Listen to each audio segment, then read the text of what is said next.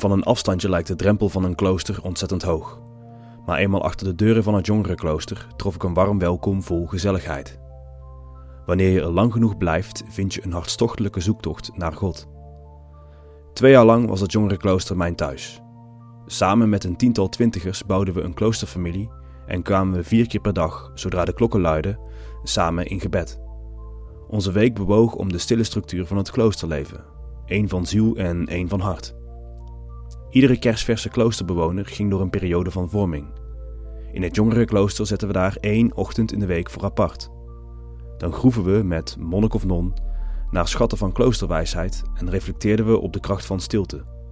Zo kwamen we tot de onwaarschijnlijke ontdekking dat het kloosterleven juist voor twintigers toegevoegde waarde heeft. Ik ben Tim en samen met Mirjam nodig ik je uit om één uur in de week apart te zetten, om dwars door de wonderenwereld van kloosters op zoek te gaan naar God.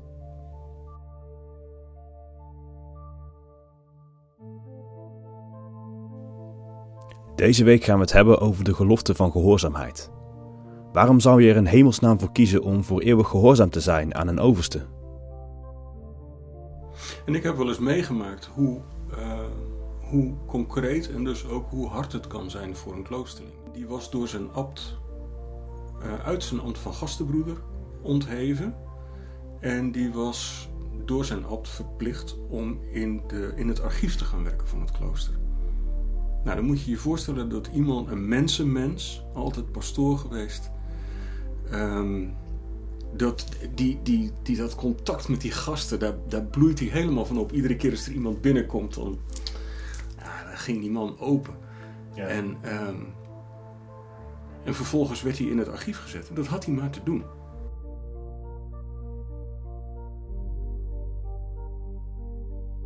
Nou, uh, welkom. Leuk dat je luistert naar onze Jongerenklooster podcast. En uh, vandaag willen we het heel graag hebben over een van de, de fundamentals van het kloosterleven. Als je een klooster intreedt, dat duurt allemaal jarenlang voordat je dat daadwerkelijk mag doen. Maar dan uh, beloof je trouw aan drie grote beloftes. namelijk de beloftes van gehoorzaamheid, van armoede en van zuiverheid.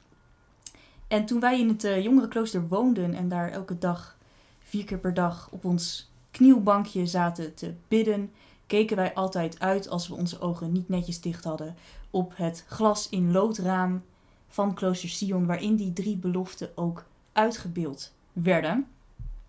Dus het leek ons wel interessant, zo van nu we er dus uh, niet meer uh, wonen, om het eens te gaan hebben over die drie geloften. En ook vooral wat je daaraan zou kunnen hebben als je dus niet meer binnen kloostermuren woont.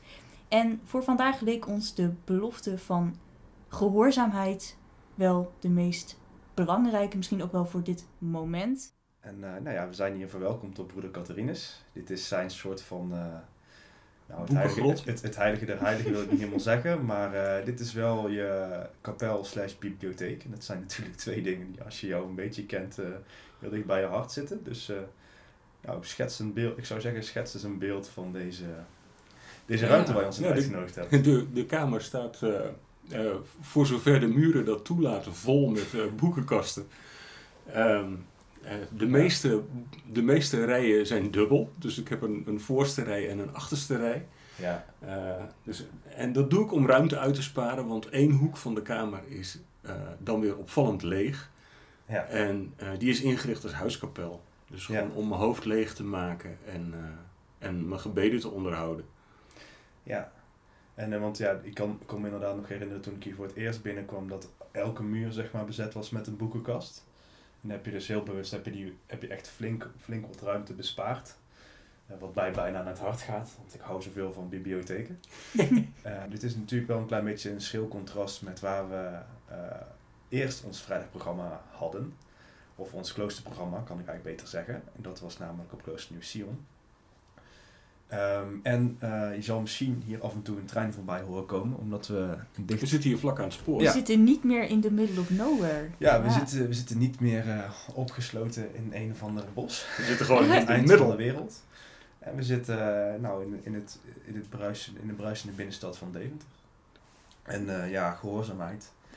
Ja, Eh, we keken daar zo mooi op uit inderdaad, op die drie geloften. Die drie dingen waar je dan ehm, als uh, religieuze, als monnik aan uh, onderhevig aan stelt. Dus die zegt van oké, ik voor de rest van mijn leven verbind ik mij aan deze gemeenschap en blijf ik gehoorzaam aan de overste of de abt of hoe je het wil noemen. Um, beloof ik in armoede te leven en beloof ik Kuisheid of zuiverheid? Ja, beloof ik zuiver te leven. Ja, ja. kuis te leven. En dan gaat, het is die andere twee komen nog een bod. Maar nu beginnen we bij gehoorzaamheid. Want uh, nou ja, iedere twintiger die uh, gehoorzaamheid hoort, die eigenlijk nog... Uh, die krijgt een jeuk. Ja, ja. De, de, de, ja. de, de, rebellie nog niet helemaal heeft afgesloten van, van, van zijn tienerjaren. Zoals uiteraard ondergetekende.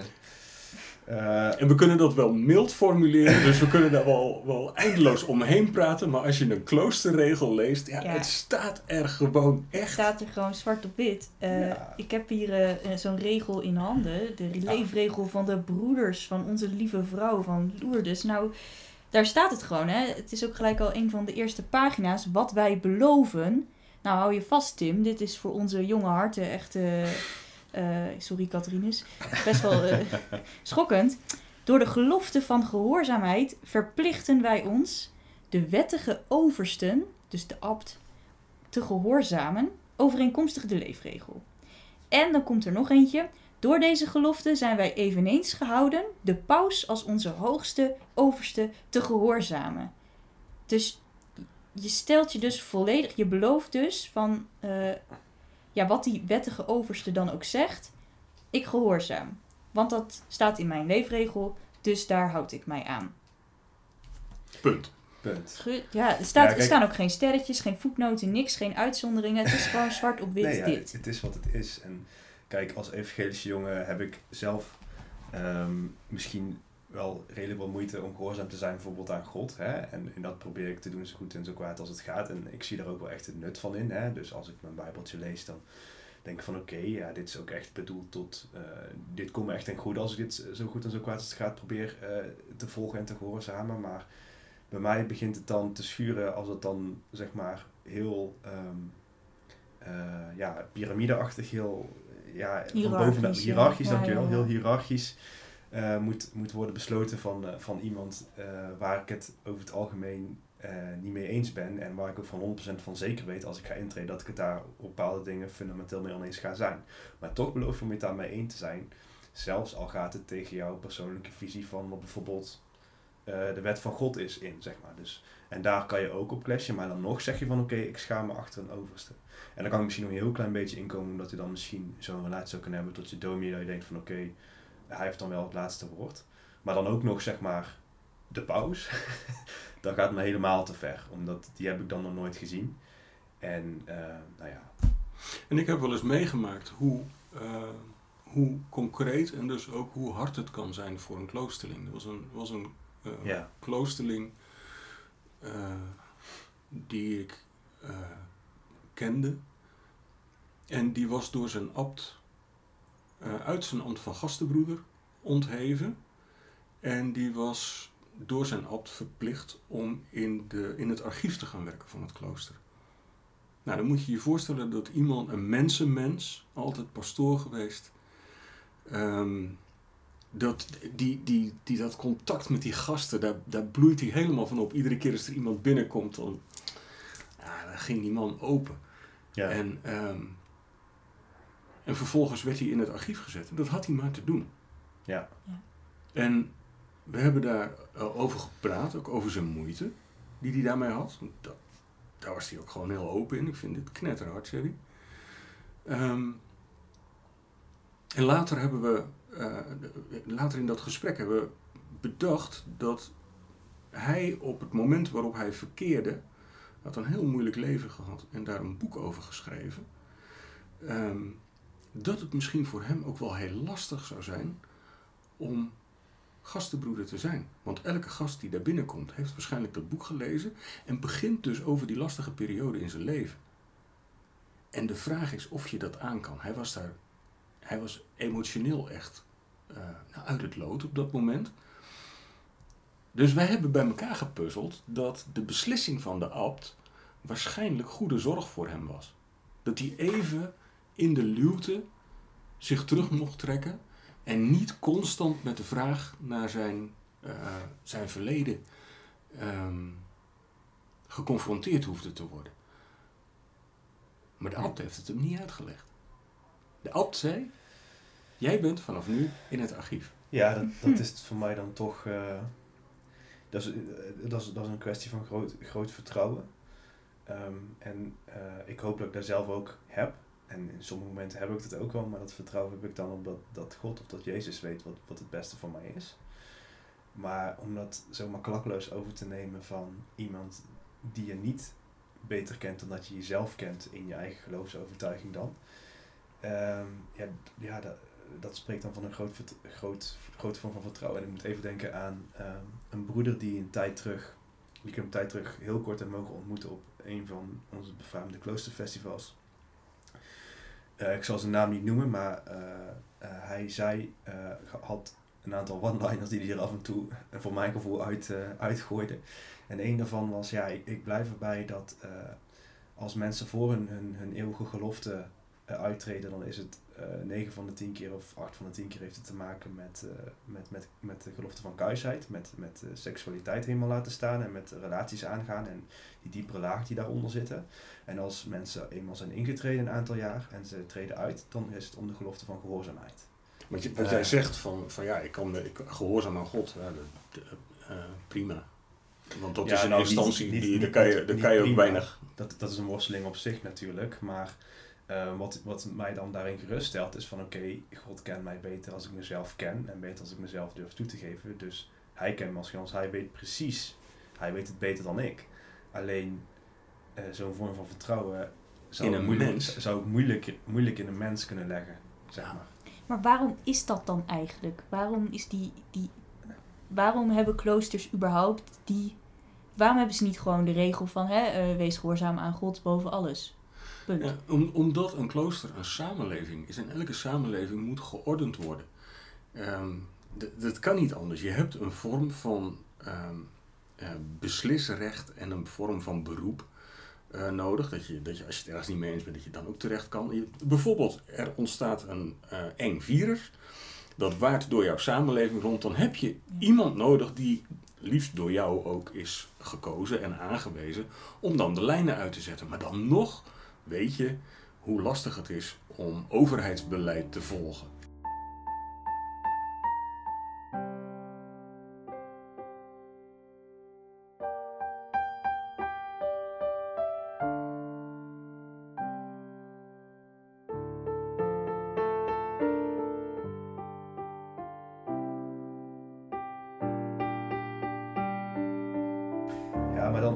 Gaat het mis, hè? Dus dat is misschien wel een leuk voorbeeld, want ja, dus dit klopt en eh, dit is zo, maar nu eh, op het moment van opnemen, waarschijnlijk niet op het moment dat je dit hoort, maar op het moment van opnemen ehm, is er dan recentelijk eh, in het nieuws gekomen dat de horeca, een groot gedeelte van de horeca, waar ik heel lang voor heb gewerkt en waar een gedeelte van mijn hart zeker blijft kloppen, En een gedeelte van je geld ook is. Ja. nou, daar, daar willen we het even niet over hebben, want eh, dat durf ik niet na te rekenen. Maar goed, ik, eh, dus ik- heb daar een, eh, een zacht hart voor. En die hebben nu gezegd van, ja luister meneer Rutte, allemaal leuk en aardig, maar de winkels blijven open. mensen ja, hoesten elkaar in de nek in, met koopjesavonden. En, en bij ons staat het water al maanden aan de lippen. De compensatie is niet toereikend, dus wij zien ons genoodzaakt om vanaf 17 januari gewoon de deuren open te doen eh, op een veilige manier. Omdat we ervan overtuigd zijn dat het probleem niet bij ons ligt. Eh, omdat wij het zo netjes en zo goed en zo kwaad doen als het kan. Maar wij kunnen niet anders meer, want eh, wij verdrinken allemaal. En nou ja, we moeten de huur betalen. En dat, en en dat zijn argumenten, en goede argumenten. ja, En wat, je dan, wat dan de samenleving, het systeem wat je afspreekt van je vraagt, is dat je bedenkt: nee, ik heb wel goede argumenten, maar daarbovenuit gaat dat wij deze crisis het beste te boven komen als we allemaal ons aan dezelfde regels houden. Dus laten we dat centraal bepalen, wat wij ook van die regels vinden. En dat is, dat is knetterlastig. ja, het is, ja, maar wat wij ook van die, van die regels vinden, dat, dat, dat snap ik. En er zit een bepaalde ideologische passie achter en dat vind ik mooi. Alleen nu is het, eh, is het probleem dat het niet een bepaalde ideologische regels is, maar dat, dat het gewoon pure incompetentie is. Punt. Dus eh, ja, vanuit de visie van de horecaondernemer. Hè? Dus, Mhm. Of vanuit even misschien mijn visie even van kijk ja, eh, dus het, het klopt niet met elkaar. eh, de winkels mogen open, er zijn, er zijn koopjesavonden, mensen gaan daar in drukte over de straat. Eh, misschien zie je daar ook wel weer pieken van terug in de besmettingen.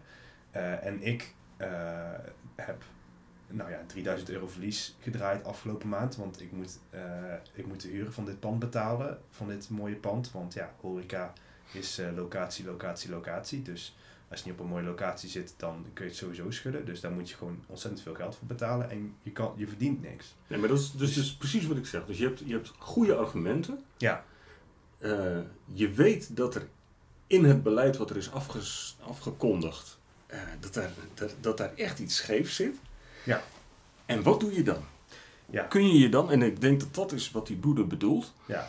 eh, die tegen jou op dat kloosterfestival dat zei. Ik denk dat hij dat bedoelt als je zegt van ja, kun je kun je, op dat moment nog eh, gehoorzaam opstellen.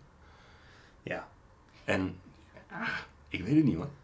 Ja, dus, dus, dus en dat, dat, dat is ook eigenlijk waar ik met het voorbeeld heen wilde, is dat je de, eh, je, je, je ziet en je voelt eh, de, de incompetentie, om even heel lomp te zeggen, van je overste. Maar je, je gaat toch voor het ideaal en zegt nee, ik stel me daar toch onder.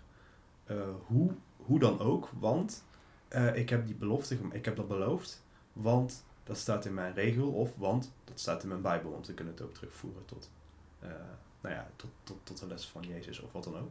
Want die vraagt ook een soort van gehoorzaamheid van degene die boven je gesteld zijn als de koning of de keizer of wat dan ook. Ehm, en dat is dus, zeg maar, dat is dus wat die broeder zegt. En dat hij niet eens tegen mij, dat zei ze ergens in het voorbijgaan tegen iemand anders en ik keek zo van, wow, die moet ik onthouden. Ehm, en ehm, dat, dat is wat die broeder dus ook bijvoorbeeld misschien eh, bedoelt. Dat is wat jij bedoelt, dat is wat die regels bedoelen. Eh, dat is misschien eh, wat Jezus ook bedoelt. Maar dan, en dat, dat is waar ik heen wil. Maar voor mij is dan nog steeds van, eh, wat ik dus wil zeggen, mijn hart springt dus op bij die horeca. Ik denk van, yes jongens, jullie moeten, eh, jullie moeten dit gaan doen, want dit kan niet meer langer. Yes. En Hmm. dat is, dat, is, dat is niet goed, maar dat is wel hoe, ik, hoe mijn gevoel in elkaar zit van... Ik mag niet rebelleren, maar oh ja, weet je, ga ervoor, want het is niet eerlijk en je kunt het niet meer langer zo doen. En zus en zo. En eh, ja, dat, ik, dan zit er dus een soort van rebel in mij. En dan stel ik me voor van, ik loop door die gangen en ik ben die gastenbroeder. En ik zit daar helemaal in mijn sas. Eh, kijk, en hier is een goed verhaal voor, maar vanuit mijn perspectief van de gastenbroeder gaat alles prima. En ik heb mijn belofte gedaan aan die, aan die overste, aan die abt. En dan word ik ergens, word ik zeg maar opgepakt en in, in een stoffige bibliotheek neergegooid, waar ik niks, niks bij heb. Eh, ja, ik, ik heb daar wel iets mee, maar deze persoon heeft er even niet. En die, eh, die, kan, die kan zijn eigen, die kan niet meer extravert zijn, die kan niet meer zijn wie die is. Eh, die horeca-ondernemer die kan niet meer gasten ontvangen, die kan niet meer gastvrij zijn, die kan niet meer het mooiste beroep uitoefenen waar hij voor gekozen heeft. Die kan niet meer dat verliefde koppeltje die onvergetelijke avond bezorgen of eh, die kan niet meer, eh, nou die, dat, dat kan niet meer. Dus je wordt, je wordt afgepakt wat je, wat, wat het ding is, wat jou, wat jou maakt tot wie je bent, wat jouw toegevoegde waarde is. Wat, Helder. en dan toch zeg je, oké, ja, dat, dat Ja, is voor mij moeilijk. Is dat dan, eh, ik denk de hele tijd, als jij dit allemaal zo opdreunt, denk ik, ja, dat eigenlijk wat je nu vertelt is gewoon het verhaal van Job. Die zeg maar door God ook eventjes helemaal, eh, nou ja, een horeca-ondernemer wordt gemaakt die zijn hele café moet sluiten en alles verliest en dan nog een schepje erbovenop krijgt. Ehm, maar toch blijft bij, ja, maar uiteindelijk denk ik dat, of geloof ik, dat God het beste met me voor heeft. Dus hè, ik, Ja, en uiteindelijk komt het natuurlijk ook allemaal goed. En ik hoop natuurlijk dat het voor alle horeca-ondernemers ook weer goed komt. Maar ik zat net nog te denken, ja, misschien dat het zo in die regels staat. Misschien is het ook gewoon een hele mooie oefening. ja, Als je gehoorzaam kunt zijn aan een abt waarvan je soms denkt, ja, eh, eh, dikke vinger, wat ben je nou, wat, wat doe je nou? ja. Natuurlijk, dat heb, je, heb, heb ik bij God ook heel vaak. Dat ik denk, ja, Potjan Dikkie, wat maak je me nou? Eh, waarom overkomt mij dit allemaal? Ja. En om dan toch dat vertrouwen te houden... en dus ook het vertrouwen in een, in een abt te houden...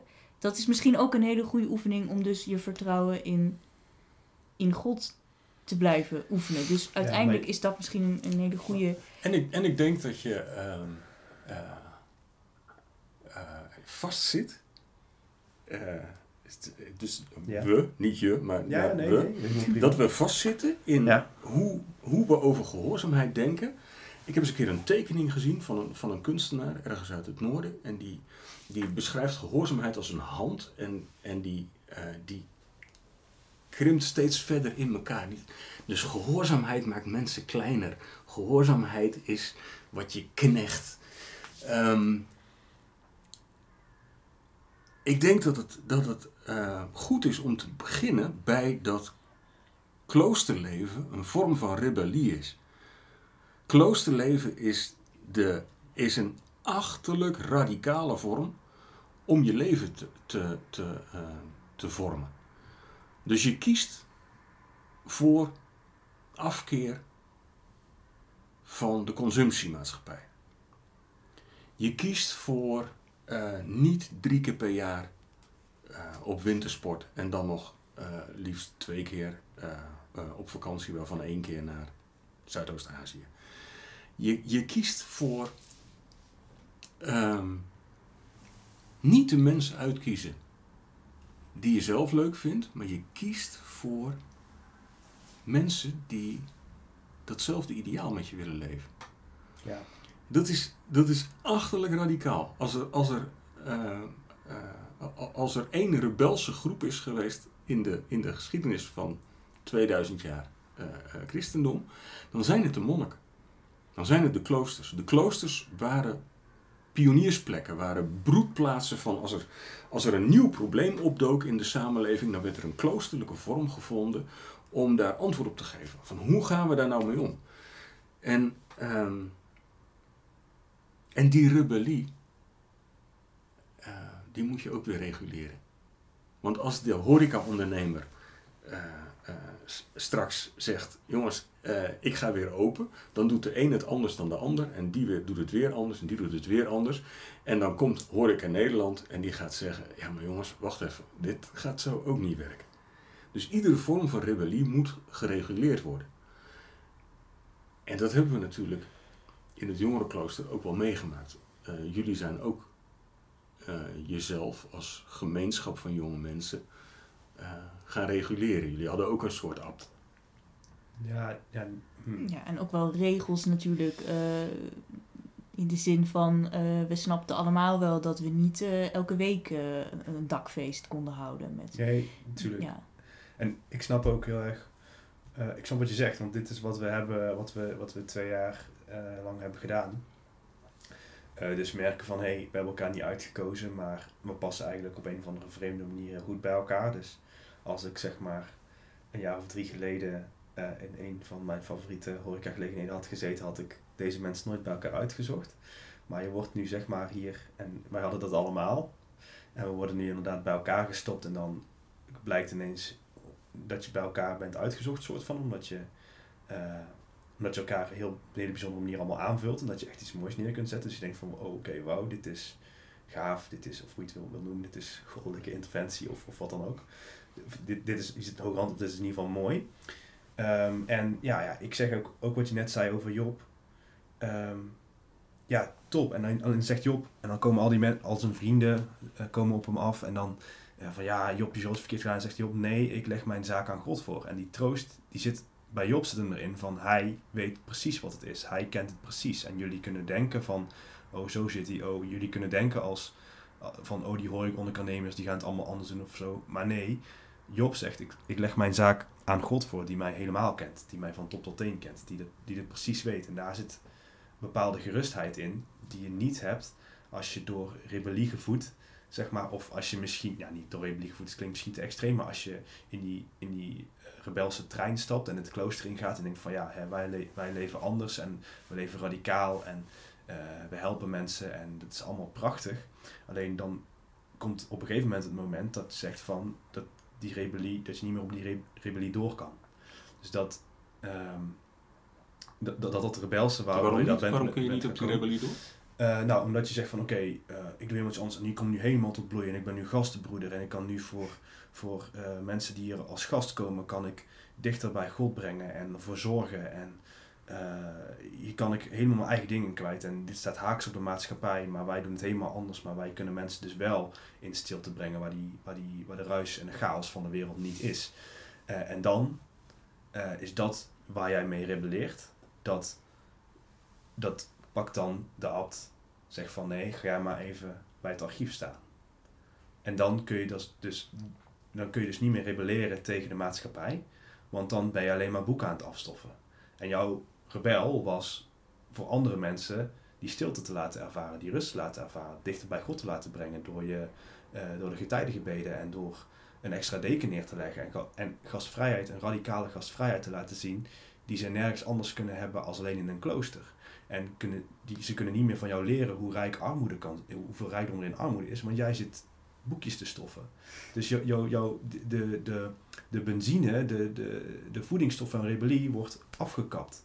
En dan gaat het alleen dus om die, om die rauwe gehoorzaamheid. En ja, dat uh, is romantisch om het dan wel te doen. Uh, en heel mooi. Maar er zou in mijn hart iets gebeuren, zeg maar. Dus ik zou misschien wel met een aantal boeken door die, door die archiefruimte gaan, uh, gaan, uh, gaan smijten of ook noem maar iets. Ja. Maar,